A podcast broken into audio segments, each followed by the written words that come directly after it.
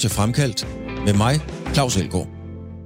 Fremkaldt er en portrætssamtale med en person fra sportens verden. Hvad skete der, hvad så noget? Fremkaldt går helt tæt på, faktisk helt derind, hvor det kan gøre ondt at tale om et emne. Jeg var jo ikke glad, jo. Inderst var jeg ikke glad. Har man først sagt ja til at være med i Fremkaldt, så har man også sagt ja til at give mere af sig selv og dele det med Radio 4's lyttere, end man ellers kender personen for. Jeg har også udtalt dengang, at jeg ville da være verdensmester. Jeg tror bare, folk tænkte, ja ja, der er lang vej, eller kom nu ned på jorden, eller et eller andet. Ikke? Men så sidder man her i dag, og det lykkedes. Når du har hørt fremkaldt, så er du blevet klogere på et menneske, som du enten holder med, eller måske slet ikke bryder dig om.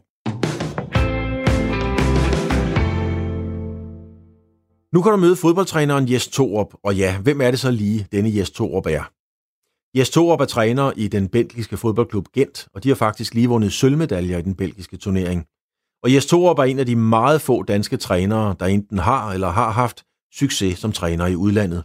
Flere store klubber har allerede opdaget den stille, ydmyg og dygtige danske træner. Jes Torups tilgang til livet er diskret, han er et socialt omdrejningspunkt, og han går meget op i, at andre trives og har det godt omkring ham. Han er det, som mange mennesker vil betale som en god fyr, ham der. Problemet er bare, at det kan Jes Torup ikke bruge til noget som helst i en kynisk og kalkuleret fodboldverden, hvor alle er tættest på sig selv. Jes Torup, vi, har, vi sidder på Østerbro Stadion, og øhm, det er et sted, du har valgt. Og det kom egentlig lidt bag på mig, men hvorfor har du valgt Østerbro Stadion? Jamen, det har jeg, fordi at, øh, det har en betydning for mig. Øh, jeg tror ikke, der er mange, der ved det, men jeg er faktisk øh, født og opvokset i København. Og øh, de første fodboldstøvler, de blev trådt her i B93. Øh, ikke at jeg kan huske øh, rigtig meget fra den tid, for det er ved at være over 40 år siden, men jeg har set øh, billeder fra, jeg sidder op bagved her på trappen med en 8-9 andre små drenge, vi har en, en hvid t-shirt, hvor der er syet et B93-logo på, på trøjen, og jeg har selv trøjen derhjemme stadigvæk. Øh, så jeg synes, det har betydet meget, fordi fodbolden har betydet meget for min karriere og mit liv fremadrettet.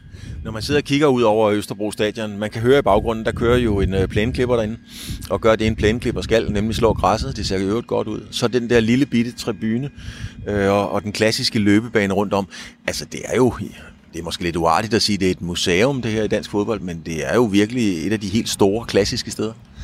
Ja, det er det, og, og, og, og have været en del af, er sådan et klassisk sted, og være der, hvor man har startet, øh, hvad der senere hen er blevet øh, hele mit liv og min livsstil, er, er jo fantastisk, og det er jo, det er jo fantastisk. Nu er jeg på ferie i København og kom forbi nu og se, at som du siger, det står her stadigvæk. Øh, dog lidt nyere udgave end trods alt sidst jeg var her, men stadigvæk at det står her, det kan blive bevaret, det synes jeg er fantastisk. Da du sad øh, op på trappen, som du siger, med din hvide trøje på med logoet, hvad var, øh, hvad var gik livet der? Altså skulle du være fodboldspiller? Ja, det skal alle drenge jo selvfølgelig, ikke også? Men hvad, hvad, gik, hvad skete der i hovedet på dig? Jamen, jeg tror egentlig ikke, der skete så meget øh, på det tidspunkt. Øh, vi boede i, i København, øh, Indres øh, City. Øh, jeg spillede herude B93. Jeg gik på, på skole, øh, den franske skole, hvor jeg husker, at jeg selv tog bussen, og det jeg ikke husker, det har jeg fået fortalt flere gange, så det var et, et, et liv allerede der, hvor man, man skulle lære lidt at stå på egne ben og klare sig selv, men man var jo formentlig som alle andre drenge i den alder øh, med gang i tingene, der skulle ske noget specielt med fodbolden. Øh, ser jeg jo mange billeder og, og, og så videre, hvor jeg altid har en fodbold inde og ude, så det var vel et eller andet sted der, det hele det startede. Men du er jo også et øh, meget intelligent menneske. Altså man kan sagtens være fodboldtræner og fodboldspiller, selvom man er intelligent eller ikke er intelligent. Det er ikke så meget det. Men du havde mange andre muligheder. Så hvornår er det, at, at det ligesom begynder at skillevejen komme for dig, hvor det begynder at ligne noget fodboldmæssigt? Ej, det gør det faktisk øh, først på et sent tidspunkt. Fordi efter København, der, der flytter vi til, til Jylland, til en lille by, der hedder Tavlov, øh, hvor jeg der starter både at spille håndbold og fodbold, og håndbolden blev også et stor del af mit liv. Øh, jeg røg videre til Odense, jeg spillede i Tarporp, spillede håndbold indtil daværende juniortid. Øh, og så stoppede det der, hvor man, kunne, hvor man kunne klare to sportsgrene. Jeg tror, det var helt tilfældigt en ungdomstræner i håndbold, der stoppede, og fodboldtræneren sagde til de her 4-5 gutter, der spillede, skal I så ikke spille fodbold hele tiden? Nu, nu er det fire gange træning. Jo, det gjorde vi. Og halvandet år efter, der spillede jeg i OB, Kim Brink øh, var rundt og tage nogle af de her talenter rundt i de små klubber, og sådan startede det. Men hvorfor, hvorfor gik du ikke den anden vej, altså gik den boglige vej? Altså, fordi det har du helt sikkert også haft mulighederne for, det er jeg ikke i tvivl om. Jamen, det tror jeg faktisk også, jeg gjorde sideløbende. Fordi øh, da jeg var færdig med handelsskolen, der kom jeg i lære som revisor. For jeg havde en, øh, en, en drøm om også at prøve øh, det her erhvervsliv ude omkring. Og der lavede jeg en aftale på daværende tidspunkt øh, efter yndlingetiden i OB, hvor de sagde, at det er, det er lidt, øh, der vil jeg komme lidt penge i, i fodbolden, så jeg vil gerne have en uddannelse. Øh, så jeg lavede en aftale med på daværende tidspunkt Ernst Young i, i Odense, at jeg mødte klokken 7 om morgenen, øh, arbejdede der indtil klokken 3, tog til OB og trænede og tog så på universitetet om aftenen og læste HD. Øh, og det var to hårde år, men to spændende år, og jeg var rigtig glad ved, ved, ved revisorjobbet, men så var det virkelig, at fodbolden begyndte at tage fart og, og pengene, og så sagde OB, jamen det er nu, det er fuld tid, og vi skal satse, og, og det var en drengedom.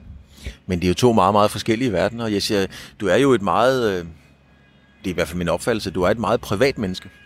Og jeg blev faktisk både glad, men også meget overrasket, da du sagde ja til at være med til at tale om, øh, om dig i, øh, i 55 minutter. Øhm, så revisortingen, den ligger, synes jeg, måske mere til højre benet, som hvis man lige tænker på afstand i forhold til dig. Ja, men det kan godt være. Jeg var også glad for revisor.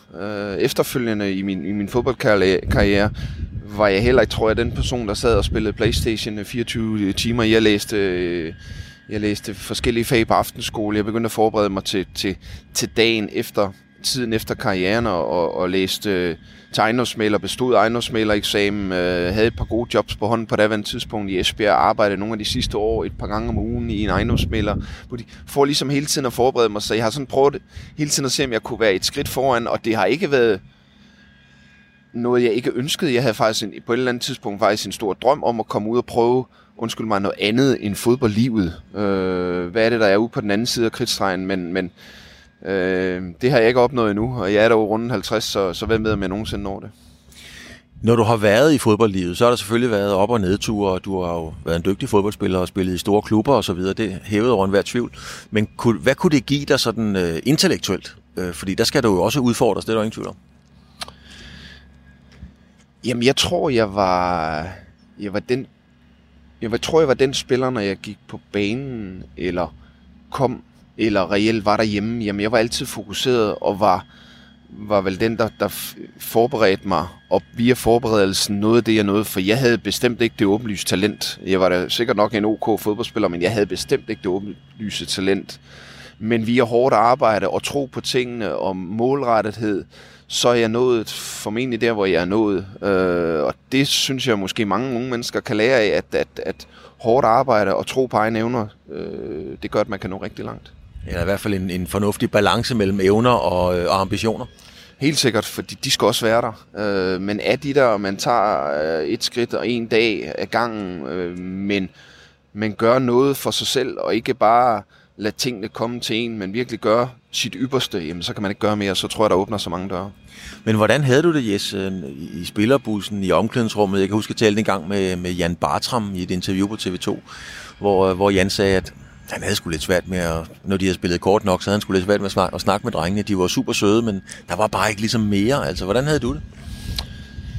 Jamen, jeg var heller ikke den, der spillede øh, alt for meget kort. Det, det var jeg ikke. Øh, jeg vil ikke sige, at jeg holdt mig for mig selv, for jeg er rigtig socialt menneske, øh, og elsker at, at omgås mennesker. Jeg elsker at hygge mig, jeg elsker at, og, og på den måde være social, men jeg var ikke den, der sådan involverede mig i de her mange timers kort og alle de her ting. Men jeg tror, jeg var ham, alle følte, de kunne snakke med, være en del af, øh, kunne hjælpe, kunne gå til. Øh, specielt i det seneste år blev jeg også anfører i, i, i de sidste mange år, hvor jeg ligesom så mig selv som den her, øh, ja, det ved jeg ikke, faderrolle, føringsfigur, hvor jeg kunne kunne hjælpe, guide spillerne, øh, de unge, som, som jo kom og pressede bagfra. Jeg så det ikke som noget, uha, nu kommer de presser, nej, jeg så min vigtigste rolle, som, som er dem, der skal hjælpe dem på vejen, og det gjorde jeg både inde på banen, men, men så sandelig også uden for banen.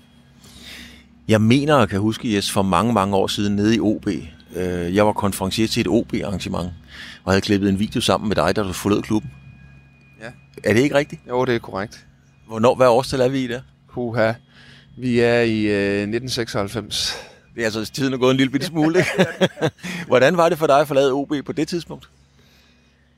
Ja, men det var meget specielt, for jeg har haft øh, nogle, nogle, nogle sindssygt gode år. Øh, kom ind som førsteårs yngling øh, sammen med alle de unge, håbefulde øh, drenge fra alle omegnsklubberne kom ind til et liv, som jo næsten semiprofessionel under Kim Brink, hvor vi jo trænede fra komme fra de små klubber til to gange om ugen til at træne fire-fem gange om ugen med, med, med sædler med hjem, hvornår vi skulle gå i seng, hvad, hvad vi skulle have at spise, hvad der ventede os på, de, på stadions, vi skulle ud til. Jamen, det var jo det var jo på den tid, hvor man, man efterfølgende siger, at Kim Brink har jo prøvet at lære os livet som professionel. Hvem kunne, hvem kunne takle det? Hvem kunne håndtere det? Hvem var klar til at yde det, der skulle til? Øh, og efterfølgende havde jeg jo nogle fantastiske år. Startende med det første år som senior 89, hvor, hvor OB blev mester. Øh, og det, det er jo desværre ikke sket siden. Øh, men, men, men så har vi vundet et par pokaltitler og så videre, så jeg havde en rigtig god tid. Men, men jeg nåede også til tid der midt i 20'erne, hvor jeg tænkte, hvis jeg skal nå noget, hvis jeg skal prøve noget videre, så var det tiden, og, og der åbnede der sig nogle muligheder der i, i 96 til at tage et smut til, til Tyskland. Ja, hvor, du skal lige fortælle også, hvor du kom til, da du tog til Tyskland. Jamen, jeg tog til, øh, til Bayer Uerdingen, hvor der jo har været et par danskere på der. Blandt andet Bartram jo. Bartram, øh, Heinz, øh, Laudrup og, og, og så videre. Så, så det var vel det, det udlandseventyr, jeg, jeg skulle prøve af. Det prøvede jeg af på det tidspunkt. Men hvordan var det, fordi udlandseventyret er jo en anden verden end i Danmark. Øhm, hvordan var det med din mentalitet og, og, og din meget, skal man sige, tilbageholdende fason og så videre? Hvordan var det at, at komme derud så til Ørdingen? Det var, det var meget specielt. Det var meget anderledes end det, jeg kom fra, hvor man jo havde sine, sin øh, sine gode venner på holdet, øh, som jeg jo stadigvæk ser og snakker med. Vi har vores årlige julefrokost en gang om året, øh, som jeg desværre ikke har kunne deltage i de sidste par år, men, men, men vi er stadigvæk 11 gutter, der, der samles, og det, det vidner om, hvilket sammenhold vi havde der.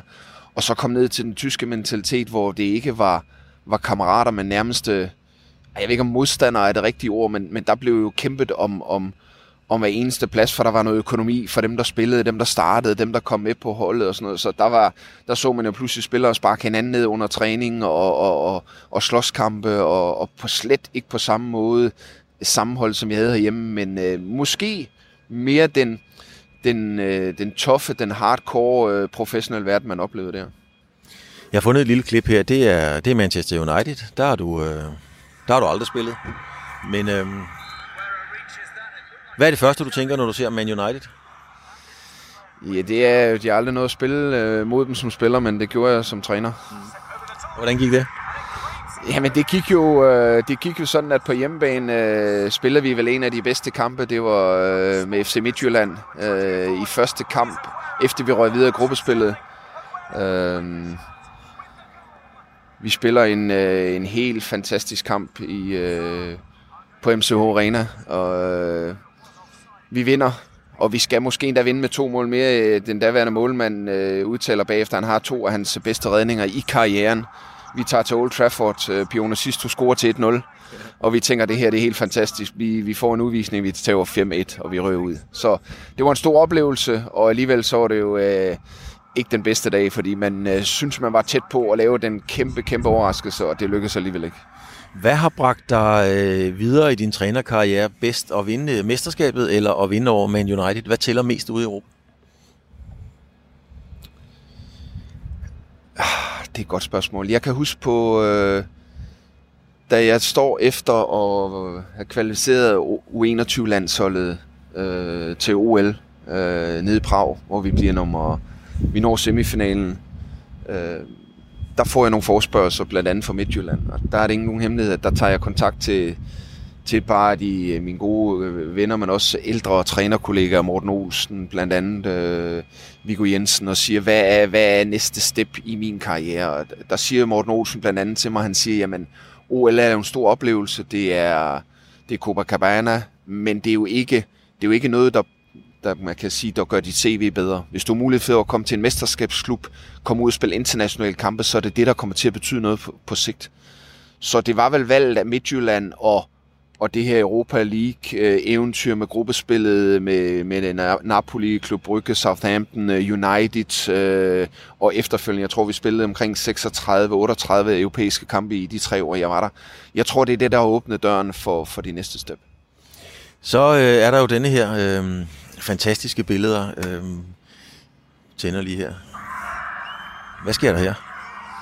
Ja, men der vinder vi jo øh, mesterskabet øh, i 2018. Øh, det var det var, øh, det var meget, meget specielt. Øh, det er jo en kombination på et, et, et helt års øh, fighten og kæmpen, hvor der jo blandt andet, der vi når, øh, når til de sidste øh, 10 kampe, er jo ikke nogen, der tror på os, fordi vi, jeg tror, vi er fem 6 point efter Brøndby, og, og det ser jo ikke realistisk ud, og så pludselig vinder vi det ved at vinde, jeg tror det er 8 eller 8 sejre og en uafgjort i de sidste 10 kampe, og pludselig ender vi med at vinde med 4 point over Brøndby, og, og det var helt fantastisk, så det var kombinationen der. Hvordan har man det egentlig? Det er jo nemt at se udefra, og alle er glade og sådan nogle ting, men hvordan har man det egentlig, når man lige hører fløjten? Nu er det nu. Jamen, det, det er meget specielt, fordi det er jo noget, man har bygget op over et år. Det er jo ikke denne her enestående kamp. Altså, der kan man sige, den pokal sejr, jeg får med Esbjerg som træner, er, står vel mere som et, et, et, et lysende klart eksempel på den ene kamp, hvad den betød. Men det her i Midtjylland var jo et, et helt års fejring sammen med vores fans øh, her på stadion, men, men også hele aften og natten sammen med fans, øh, med familie, med venner, med kærester og koner. Jamen, det er jo en, en, en fest, man aldrig glemmer, man, man håber øh, starter i morgen igen. Nu sidder vi som sagt øh, på, på skærmen her, har vi en kæmpe fejring øh, fra det danske mesterskab 2018. Vi sidder på Østerbro Stadion. Hvad kan der egentlig sidde på tribunen derovre? 1000 mennesker? Ja, det vil jeg tro. 1500 stykker. Ja. Og så er der jo hele parken, som, øh, som ligger med, med ryggen til der, den store arena, som du jo for den sags skyld sagtens skal komme ind og spille i. Øh, måske bliver der også træner derinde i dag, det skal jeg ikke blande mig i, men, men det kan være, at du trækker FC København i en kamp, eller der kan ske mange ting. Er du, øh, er du stolt af dig selv? Er du taknemmelig over det, du har, har fået lov til? Hvordan, hvordan for nogle følelser har du? Puh, ja. Øh, jeg tror, jeg har det sådan, at, at fodbolden har givet mig øh, så meget i mit liv. Øh, så det at få lov at give noget tilbage til fodbolden, ved at hjælpe andre unge spillere øh, til at træffe de rigtige valg, til at at gå den rigtige vej, til at hjælpe dem til, hvad der skal til, fordi det er ikke åbenlyst i dag, hvor der er så mange penge og så mange øh, folk omkring spillerne. Så jeg kan godt forstå, hvis de nogle gange har svært ved, ved, ved at håndtere situationer. Der prøver jeg nogle gange at, at også hæve mig lidt op over det kun at være træner, men nogle gange også prøve at, at, at være lidt mere øh, en mentor for nogle af spillerne, ved at være lidt mere ham, der, der taler, snakker, døren er åben, har de brug for et råd, øh, vejlede, guide. Øh, jeg er med på, at jeg er der kun for én ting, det er for at skabe, skabe resultater, men det tror jeg faktisk, jeg gør bedst ved at være, være tæt på spillerne. Så det har sådan været min måde at, at være taknemmelig over for det, sporten har givet mig. Øh, så det tror jeg er taknemmelighed. Når du gør det på den måde med den åbne dør, der er mange forskellige måder at være træner på. Er det så fordi, det kunne jeg godt forestille mig nemlig, at du selv havde brug for en vis tryghed, da du spillede, i hvert fald i Danmark, fordi den tryghed får man nok ikke i udlandet, med at vide, skal jeg spille på søndag, og hvis jeg ikke skal spille, hvorfor skal jeg ikke det? Ja, det tror jeg, du er fuldstændig ret i. Det her med at sidde som ung øh, menneske, ung spiller, og håbe så meget på, at man spiller, og ikke vide, skal man spille, skal man ikke spille, og hvis man nu ikke spiller, hvorfor er det så, man ikke spiller? Jamen, der har man nogle gange brug for bare lige en, en, en hånd omkring skulderen og to ord, eller en, en besked en dag i forvejen, prøv at høre, vi har valgt sådan og sådan, og det har vi for det, det og det, men du skal øve lidt mere. Okay, i stedet for bare at læse det på en seddel et eller andet sted, når jeg var ikke med, hvorfor var jeg ikke det? Jamen, så går man med måske nogle ubehagelige tanker, eller kan ikke forstå det, og hele livet ser sådan lidt, lidt håbløst ud. Der har jeg valgt at, at træde den anden grøft og sige, prøv at spillerne har brug for at vide, hvorfor de enten spiller eller ikke spiller, fordi så har ved de, hvorfor de skal hvorfor og hvad de eventuelt skal gøre bedre for at få lov at spille næste gang. Og det, det har været min måde, og det har måske også været noget, jeg har haft brug for, eller har oplevet som, som ung spiller. Hvordan er det, at, når man er den person, du er, hvordan er det at skulle fortælle en ung spiller? Prøv at høre, du starter altså ikke bare ude næste gang, du er slet ikke med i truppen, men måske kommer det en dag. Jamen, det bliver aldrig en rar samtale. Hvor end man har gjort det snart så mange gange, og det er ens, øh, ens lod, når man har sat sig i den stol, det er også at give de, de lidt øh, triste beskeder men det er derfor, jeg siger, at jeg plejer altid at prøve at give et par ord med på vejen. Ikke at jeg skal bruge rigtig lang tid på det, så glemmer jeg også fokus på dem, der trods alt skal vinde kampen for mig. Men Øh, jeg giver et par ord med på vejen, og så beder jeg vedkommende om lige at tænke over situationen, og så kan vi snakke om det mandagen efter weekends kamp og sige, men der er noget, vi sammen kan gøre, for at du kommer tættere på. Så de har en fornemmelse af, jamen, jo, de er ikke med på holdet, men jeg tror stadigvæk på dem, og der er en mulighed for, at vi kan finde vejen sammen, og det tror jeg er vigtigt for spilleren. Er det noget, Jes, man skal, man skal arbejde på, ligesom man træner sit højre ben og hovedstød og tæmning og så videre? Har du skulle arbejde som træner på din øh, retorik, dit, dit, dit udtryk og så videre? Helt sikkert. Jeg tror, kommunikationen er, er nøglen, en af nøglerne til succes. Det er klart, øh, uden en eller anden form for mandskabspleje, taktisk forståelse osv., der går det ikke. Men øh, retorikken, øh, kommunikationen, tror jeg, er og bliver mere og mere afgørende i, reelt måske i dagens Danmark, men også i dagens fodbold, fordi øh, der er både positive og negative beskeder. Og det som ung menneske, hvordan håndterer man medgang, men hvordan håndterer, man også modgang? Altså, det er nogle gange dem, der, der, der håndterer modgang bedst, der når lang, længst, fordi det nemmeste det er at tage halen mellem benene og løbe væk, men dem, der virkelig tager skeen i den anden hånd og siger, prøv det var lige godt satans, nu skal jeg godt nok lige vise sammen træneren, at jeg gjorde noget forkert. Og det er jo mit mål med at, at få de her samtaler, så jeg ikke mister dem, men får dem over i, i den anden grøst og sige, nu skal jeg godt nok lige vise, hvad jeg kan, og det, det er min måde at gøre det på. Hvor mange, øh, yes, hvor mange nationaliteter har I cirka på, i truppen i Gent? Uh, vi har 12 nationaliteter, så alt foregår uh, på engelsk. Og det er jo mange forskellige kulturer og mange forskellige tilgange, og uanset hvad, så er det jo nogle drenge, der vil vinde. Så, så der er jo meget at holde styr på, kan man sige. Hvordan sætter du dig ind i uh, tankegangen, kulturen? Nå, der kom Siri lige fra min telefon her, Den lægger vi lige derovre. Øh, hvordan sætter du dig ind i tankegangen og kulturen fra, fra så mange forskellige nationaliteter?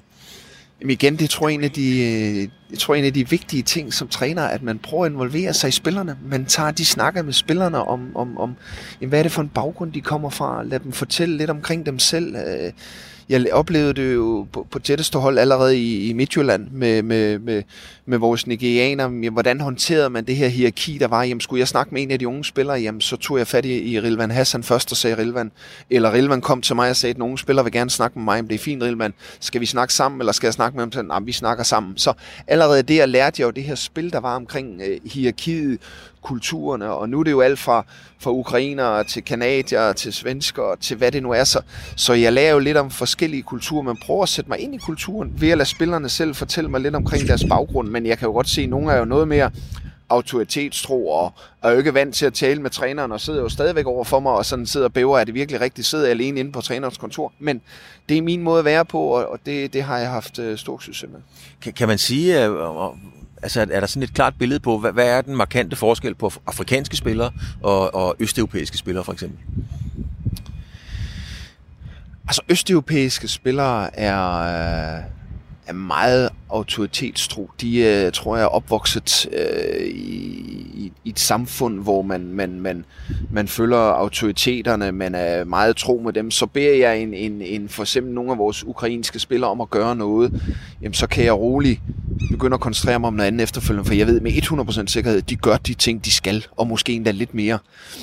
Øh, afrikanere skal man jo, skal man jo håndtere øh, på en helt anden måde, for de har jo også en anden kultur. De er jo sådan mere, noget mere, de er jo sammen om tingene, de bakker jo støtter hinanden op, så man skal jo være meget opmærksom på, at det man siger til den ene, kan jo også komme til at vedrøre nogle af de andre, hvis man har flere omkring sig og, og sådan noget. Så det er sådan mere sådan en, en flokkultur, som man skal, man skal lære. Man skal lære lidt omkring deres hierarki, så, så det er, det er meget forskelligt, øh, men, øh, men jo rigtig spændende, og en af de gaver, man får med ved at være træner, fordi man lærer en masse om forskellige kulturer. Hvad med de der rebeller, der er på holdet? Altså, nu er det ikke alle hold, der har en Zlatan eller en Niklas Bentner, men, men du har jo dine udgaver og versioner af dem også. Hvordan håndterer man sådan nogle typer med den type, du selv er? Ja, jeg husker, øh, hvis jeg ikke husker helt forkert, så mener jeg, det var Richard Møller, der sagde på et tidspunkt, at, at de spillere, vi har svært ved at takle som trænere, det er også dem modstanderen har svært ved at takle. Ja, det står på mit papir, jeg skulle lige til at sige det. Nå, øh, og, det, og det, har jo, det, har jo stået, det har jo stået klart og tydeligt for mig på et tidspunkt, også, den, også på et tidspunkt, da jeg var ungdomslandstræner ind i DBU. Vi skulle passe på på et tidspunkt, at vi ikke ensrettede spillerne for meget, mm. fordi nogle af dem der, der skejede lidt ud, jamen det var måske også dem, der havde et x-faktoren. Det var dem, de andre også har svært ved at håndtere. Så der skal være plads til de her ener i fodbolden. Det er jo dem, tilskuerne også kommer og ser. Det er dem, der kan afgøre kampene. Så dem skal man jo lære at håndtere, og derfor er min filosofi også, jamen vi kan ikke håndtere alle spillere ens. Vi skal håndtere spilleren ud fra der, hvor han kommer, og hvordan vi får ham ind på det rette spor, så vi kan bruge ham. Så derfor er min filosofi også, jamen det kan godt være, at jeg giver nogle friheder til nogle andre men så er jeg åben omkring det. Så spillerne omkring dem ved det, så de ikke står og siger, åh, han fik lov til det, hvorfor gjorde vi ikke? Jamen, det gjorde han for sådan og sådan. Ikke måske, fordi han er bedre end de andre, men så forklarer jeg, hvorfor. Så der er indforståethed omkring det. Så, så øh, jeg synes, de skal være der, og jeg synes, de bryder fodbolden. Men det er klart, det er også nogle af dem, man bruger noget tid på som træner. Hvordan, øh, hvordan sætter du hierarkiet? Spillerne sætter det selvfølgelig et stykke hen ad vejen selv, men du kan jo også være med til at præge det. Hvordan, hvordan øh, vurderer du, at et, et hierarki skal sættes for, at det fungerer bedst for holdet? Om der skal være et hierarki. Det, det, det er der simpelthen nødt til, fordi specielt når, når, når undskyld mig, lokummet brænder lidt, så er der brug for nogen, der træder karakter og siger til de andre, så nu følger I trop.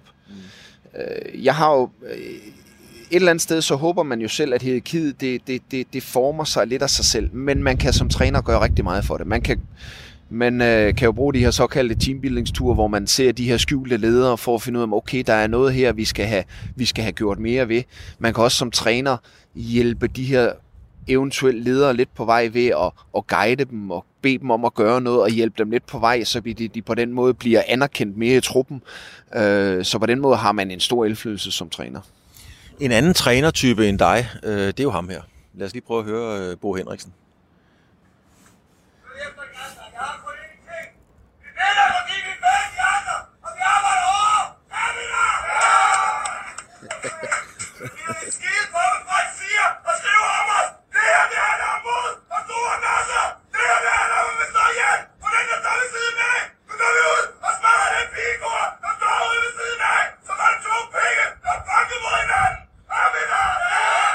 Jeg har meget svært ved, Jes, at høre dig stå sådan nede i omklædningsrummet.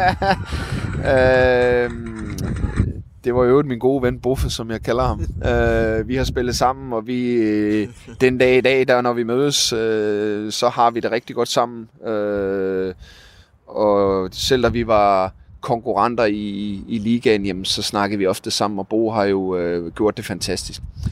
Jeg vil ikke sige, at jeg er en modsætning til Bo, fordi folk tror, at jeg er en øh, type, der ikke råber, en type, der ikke bliver sur, en type, der bare går stille og roligt, og det er ikke rigtigt.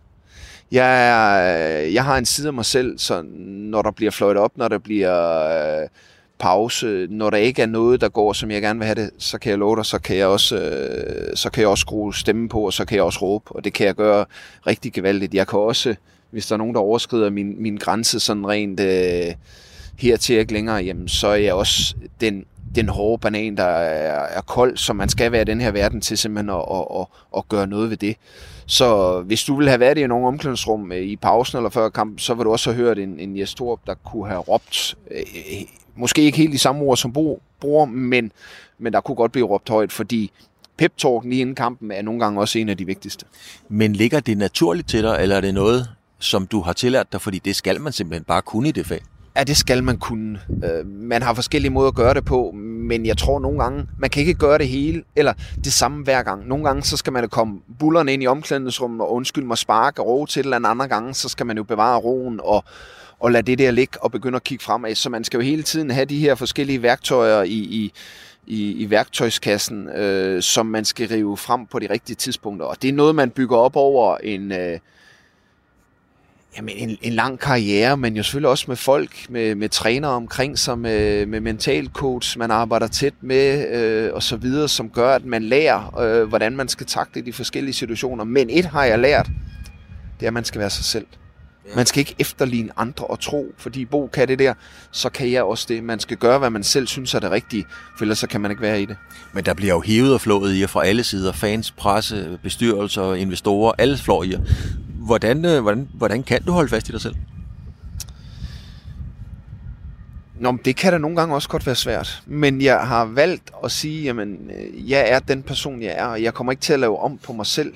Selvfølgelig skal jeg lære lidt omkring, hvordan håndterer man pressen, man skal lære det politiske spil i bestyrelsesrummet, man skal lære at håndtere fans, alle de her ting. Men det er for mig blevet en naturlig del af det. Altså, øh, for eksempel lige nu i, i Gent, jamen, der får jeg jo meget ros for min, øh, mit forhold til fansene. Og det gør jeg simpelthen, undskyld mig, bare fordi jeg anerkender, når de er at hjælpe os, jamen, så gestikulerer jeg ved lige at klappe til dem efter kampen og gå ud og hilse på dem og sådan noget, og det er noget, de aldrig har været vant til før.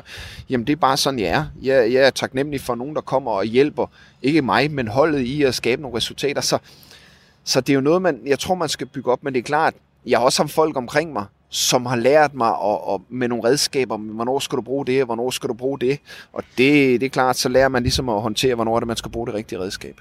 Men når du siger, at der er forskellige øh, strategier, eller der er forskellige måder at åbne døren til omklædningsrummet på, at, forbereder du dig på det på samme måde, som du taktisk forbereder dig til en modstander? Altså sidder du og tænker på hjemmefra, hvordan er det, jeg skal komme ind i rummet i dag? Øh, nej, jeg, jeg vil helt sikkert tænke på pep-talken inden kampen. Øh, hvad er det for et hold, vi møder? Hvad, hvor, hvor har jeg lige fornemmet, at spillertrum har været i ugens løb? Hvor er vi henne mentalt? Øh, der vil jeg helt sikkert sidde. Er det noget med videoklip? Er det noget med, med mig, der skal råbe lidt? Er det noget med... Det kan være forskellige ting. Men Øh, det jeg kan sige er, at når vi er i gang med kampen, så vil jeg sidde og bruge de sidste 5-10 minutter af første halvleg på at evaluere lidt, sidde og tænke nogle tanker, men også sidde og tænke på, hvad er det, jeg lige skal gøre i, i omklædningsrummet nu? Hvor er det, jeg skal dem hen af? Hvad er det, vi har brug for? Et taktisk, men også mentalt. Øh, og der vil jeg sidde og overveje nogle ting, nogle redskaber, hvordan er det, jeg kommer ind i omklædningsrummet.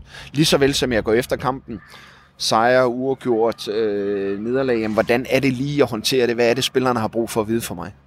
Jeg har et klip her, øh, Yes. Øhm, det er dig. Øhm, vi kan lige lave en lille beskrivelse af Østerbro Stadion, mens nu traktoren, der slår græsser op i den anden ende, der er en løber herude med bar mave og et pulsur omkring, og der er fred og ro. Det må jo være, det er jo en helt vild kontrast i forhold til, når du står nede i, i Belgien. Det pres, der er dernede, skal vi vende tilbage Vi skal lige høre et interview med dig.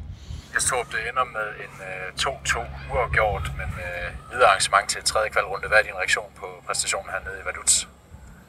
Jamen, jeg synes, vi spiller øh, en, en, en super god kamp, en meget professionel kamp. Øh, vi sætter os på kampen fra starten, synes jeg, med vores øh, høje pres, øh, gode på bolden. Øh, jeg er med på, at der går et stykke tid, inden vi får sat sådan de rigtige angreb i, i gang, hvor vi også producerer chancer. Men, men... Det er fra FCM TV, og ja, vi har været lidt inde på det, men du er jo altså, du ligner jo en, der er kommet ud af kemisk vaskerens. Du er altid, du er altid stille og rolig, afdæmpet. Jeg, jeg er simpelthen bare så svært ved at få øje på ham der, der sparker døren ind.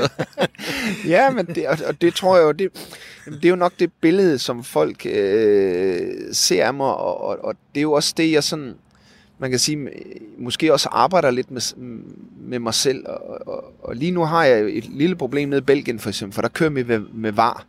Fordi jeg vil rigtig gerne vise følelser, specielt under kampen, for jeg lever mig med i kampen, så når vi scorer et mål, hvis jeg slår en 4-5 flikflak, hvad jeg er lidt svær ved med ryggen i dag, men, men gerne vil, og så efterfølgende for at vide, hov, der var øvrigt offside, så ser det sådan lidt malplaceret ud. Så det bliver sådan lidt, lidt, lidt, lidt mærkelig øh, sejrshåb, men samtidig står og kigger hen på fjerdommeren, er der noget i forhold til var? Så, så jeg er faktisk rigtig emotionelt involveret i, i kampen, men jeg tror, jeg tror, jeg prøver at gemme det der lidt væk, når jeg står og skal være efter kampen skal øh, have et interview og sige, jamen prøv at, jeg prøver at være nøgtern i forhold til kampens billede, i stedet for at sige, jamen det var fandme også noget lort, eller vi spillede helt. Altså, prøv at være lidt mere øh, faktuel i forhold til, hvad der er, der er sket. Og nogle gange, så tror jeg egentlig, fansene bare har lyst til at øh, høre mig råt for udsøgt og sige, jamen det var fandme for ringe.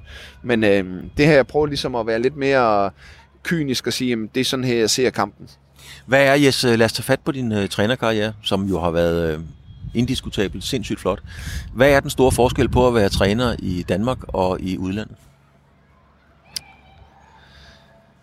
Uden at forklare den danske liga og presset, for presset er der. Øh, det mærker jeg også i Midtjylland, og det er der jo i alle klubberne herhjemme. Det, det ved jeg godt, så det, det må ikke misforstås. Men den tid, jeg bruger på, øh, på snakke øh, med bestyrelsen, øh, direktionen, øh, forklare, forsvare, øh, politisk spil, øh, pressemøder, øh, og det er ikke pressemøder med lokale presser, der lige står og stiller store spørgsmål. Nej, det er nede i presserummet med, med rullende kamera før hver kamp. Det er, det er selvfølgelig under kampen, når vi spiller europæisk, jamen, så er det, vil du sige, så er det jo tre pressemøder i løbet af ugen dagen før, så der er, der er sindssygt meget pres på. Så så det skulle jeg vende mig til i starten, at jeg ikke brugt for meget tid og kræfter på, hvad tænker pressen, bestyrelsen og alle de ting, forberede mig på det, frem for egentlig forberede mig på det, jeg var ansat til, nemlig at gøre spillerne og truppen bedre. Og det har jeg ligesom lært. Jeg kan næsten mærke, at hårene øh, vokser på, på brystkassen af mig fra dag til dag, fordi jeg bliver udsat for et pres, øh, som jeg ikke har været før. Og det, det tror jeg er, det er sundt, men det er også hårdt. Hvordan hårdt? Om det er jo hårdt, fordi øh, det, er jo, altså, det er jo en kynisk verden. Så når man engang har sat sig på den stol, man har, og skrevet under på den kontrakt, så ved man jo godt, der er gennemslagspapir ned til ens opsigelse. Man sidder der jo ikke ret mange som, som Ferguson og, og Wenger i, i, i rigtig mange år.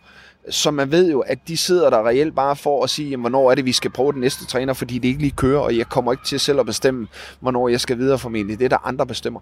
Så det her pres, der ligger på dig, øh, det skal du lære at håndtere. Enten skal du lære at håndtere det selv, eller så skal du have familien med i det, eller nogle andre, du kan snakke med, fordi som træner er du, undskyld mig, the lonely rider. Der er ikke ret mange, du kan være fortrolig med. Der er ikke ret, ret mange, du kan snakke med det her om, for der er ikke ret mange, der ved, hvad der foregår. Kan, kan du lide det? Ja, det kan jeg.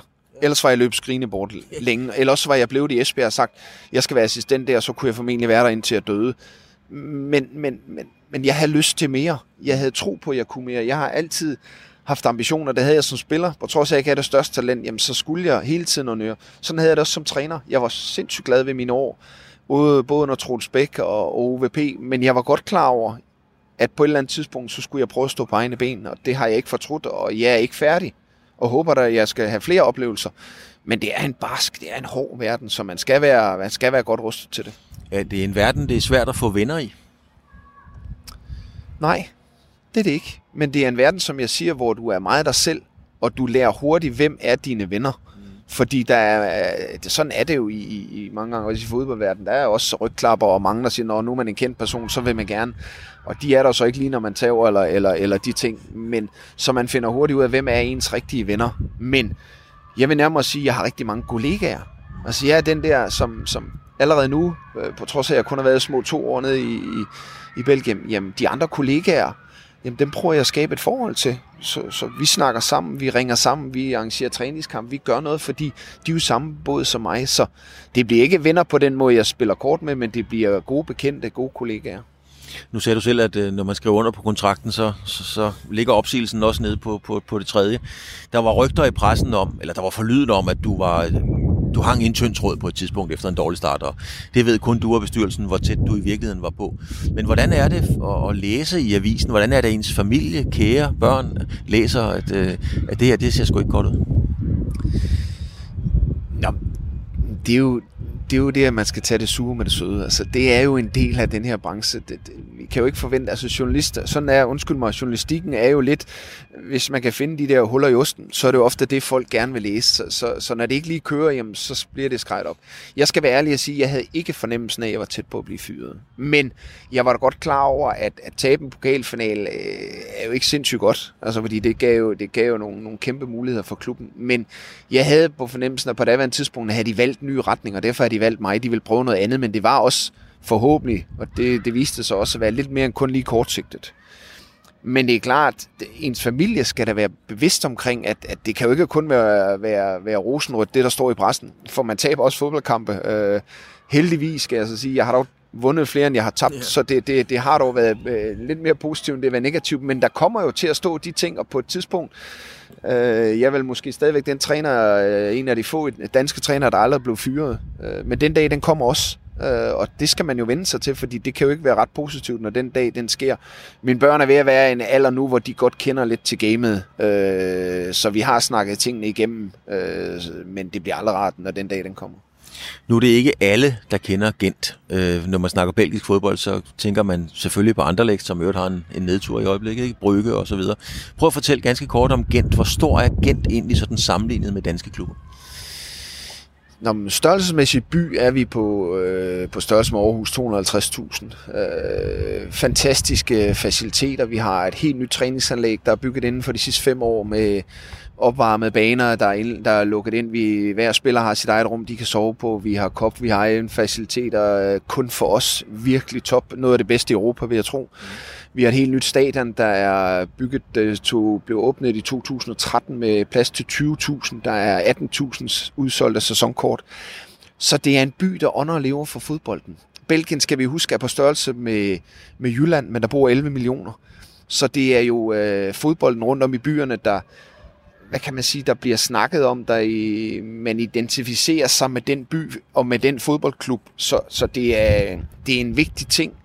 Øh, det er en klub, der for 25 år siden var, var på, på øh, konkursens rand. Øh, de to, der stadigvæk sidder der den dag i dag, øh, har været med til at bygge det op fra et underskud på, jeg tror, 20 millioner euro til nu at være en af de øh, mest øh, velhavende klubber i Belgien, der der kan konkurrere mod øh, Anderlecht, der stadigvæk formentlig er dine største brygge er ved at være der. Men ellers vil vi gerne være med i, i top 3 nu, så det er noget, man har bygget op, og det startede her i 14, hvor man blev, pludselig blev mester, man kom i Champions League og fik noget økonomi der. Og det er de drømme, man har, øh, som man gerne vil tilbage til. Så en, en sindssygt spændende øh, men også en flot by for turister, der kunne tænke sig at komme ned og ikke kun se fodbold, men det, også... Det kan jeg bare sige, det er en flot, det er en dejlig by. En skøn by det, det med, med, med kanaler, med, man har bevaret det gamle look med, med brosten, med huse, med en borg inde midt i byen og sådan noget, så det er, det er bestemt et, et besøg værd. Ikke kun for, for vaflerne og øllen og chokoladen, men også for, for byen. Men øh, budgetmæssigt, øh, uden at du skal afsløre jeres budget, øh, er I større end FC København budgetmæssigt? Det ved jeg ikke, om vi er. Øh, for at være helt ærlig, jeg går ikke sindssygt meget op i, hvor vores budget og hvor FCK's budget er. Jeg stiller nogle krav til klubben omkring, hvad er det for nogle spillere, vi køber, og vi køber spillere i, i omegnen af, jeg så tror sådan mellem 30 og 50 millioner kroners klassen, øh, og, og jeg ved, de får, øh, i hvert fald i forhold til danske forhold, rigtig gode lønninger. Øh, om det er større eller, eller mindre end FCK, det skal jeg ikke vurdere på. Men vi er i en liga, hvor vi kan tillade os at kigge rundt i, i rigtig mange af de andre ligaer og, og hente nogle af de bedste spillere. Øh, også fordi den her liga er for mig lige uden for top 4-5 i Europa, og hver gang vi spiller en kamp, jamen, så sped, sidder scoutsene for alle de store ligaer, for de store klubber, fordi kan man begå sig i den belgiske liga, så er man tæt på at kan klare sig i de helt store ligaer. Så det er en, øh, og sådan er det jo også for træner. Hey, ja, det, ja, det har du ret i. Hvem ved, hvad fremtiden bringer, så, så det er i hvert fald en spændende liga at være en del af. fordi det er jo nøjagtigt det samme. Altså, hvis du kan, fordi at, at, at, levere med Gent på nuværende tidspunkt, selvom I er en klub, der er på vej tilbage efter, efter nogle øh, skal vi sige, meget, meget trange år, som du selv meget rigtigt siger, for 20-25 år siden, så bliver der holdt øje med jer. Øh, så, så, så du er vel også, du spiller jo også kamp for agenterne hver gang.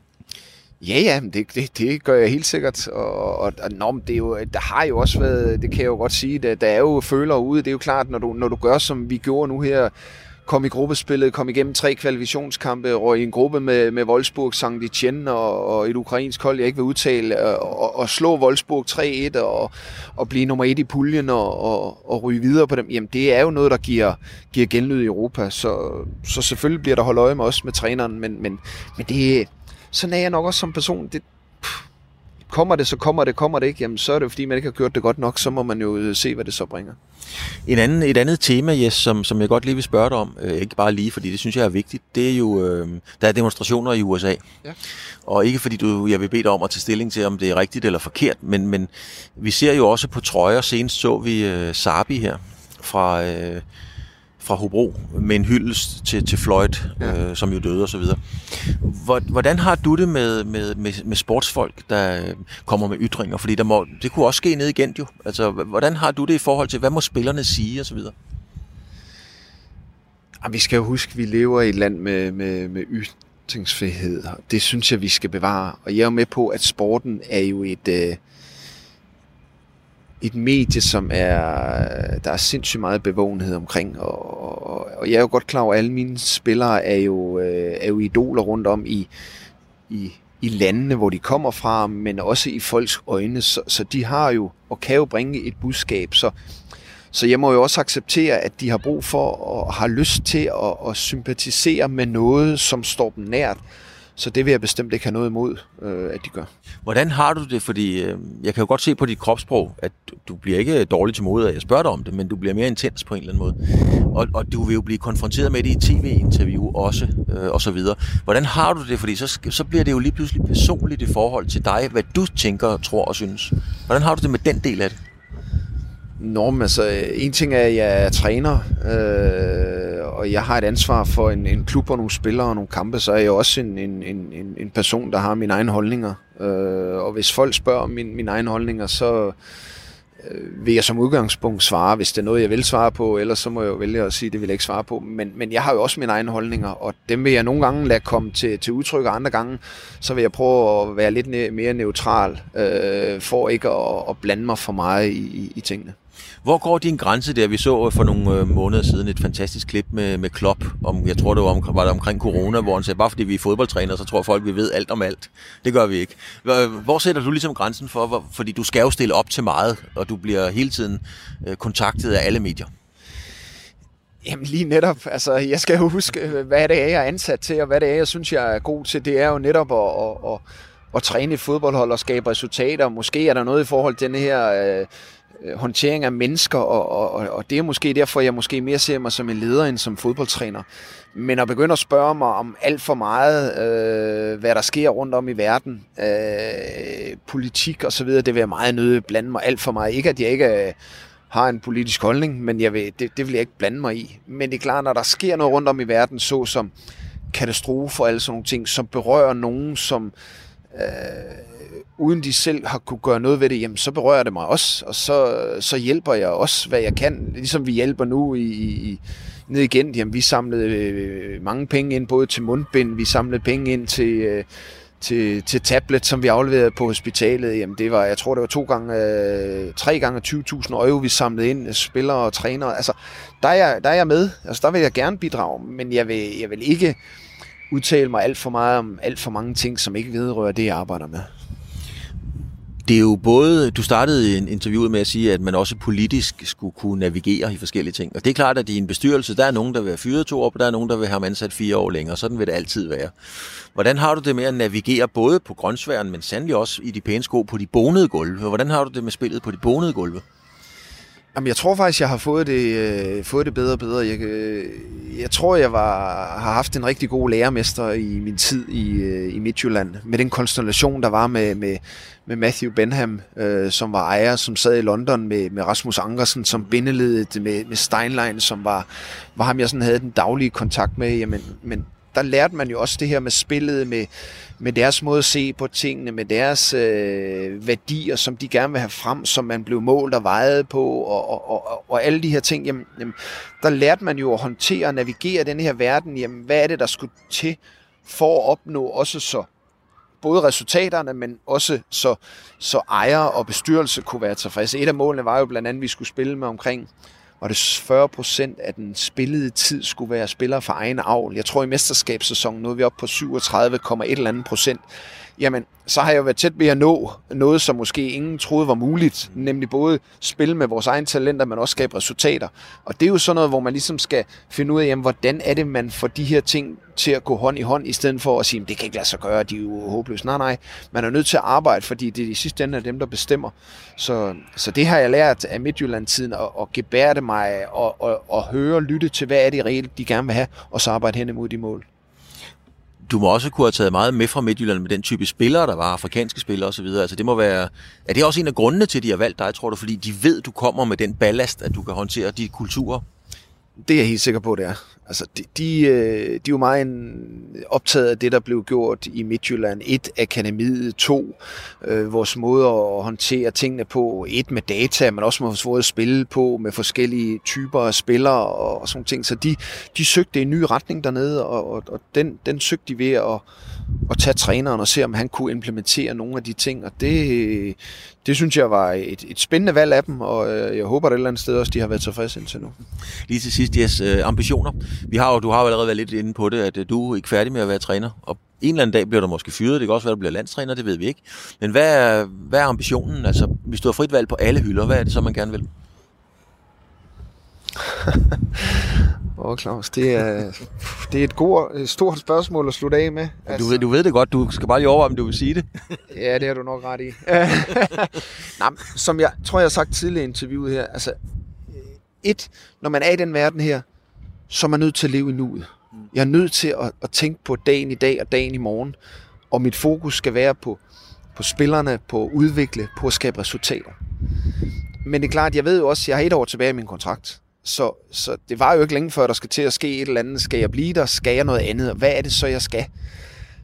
Jamen, jeg, det er der ikke nogen hemmelighed. Jeg er der blevet, jeg er der blevet sulten efter at have prøvet kræfter med udlandet. Øh, så, så jeg kunne da godt tænke mig at, at tage nogle flere år i udlandet. Om det er igen eller et andet sted, jamen det kommer resultaterne formentlig også til at, at afgøre det næste halve til hele år.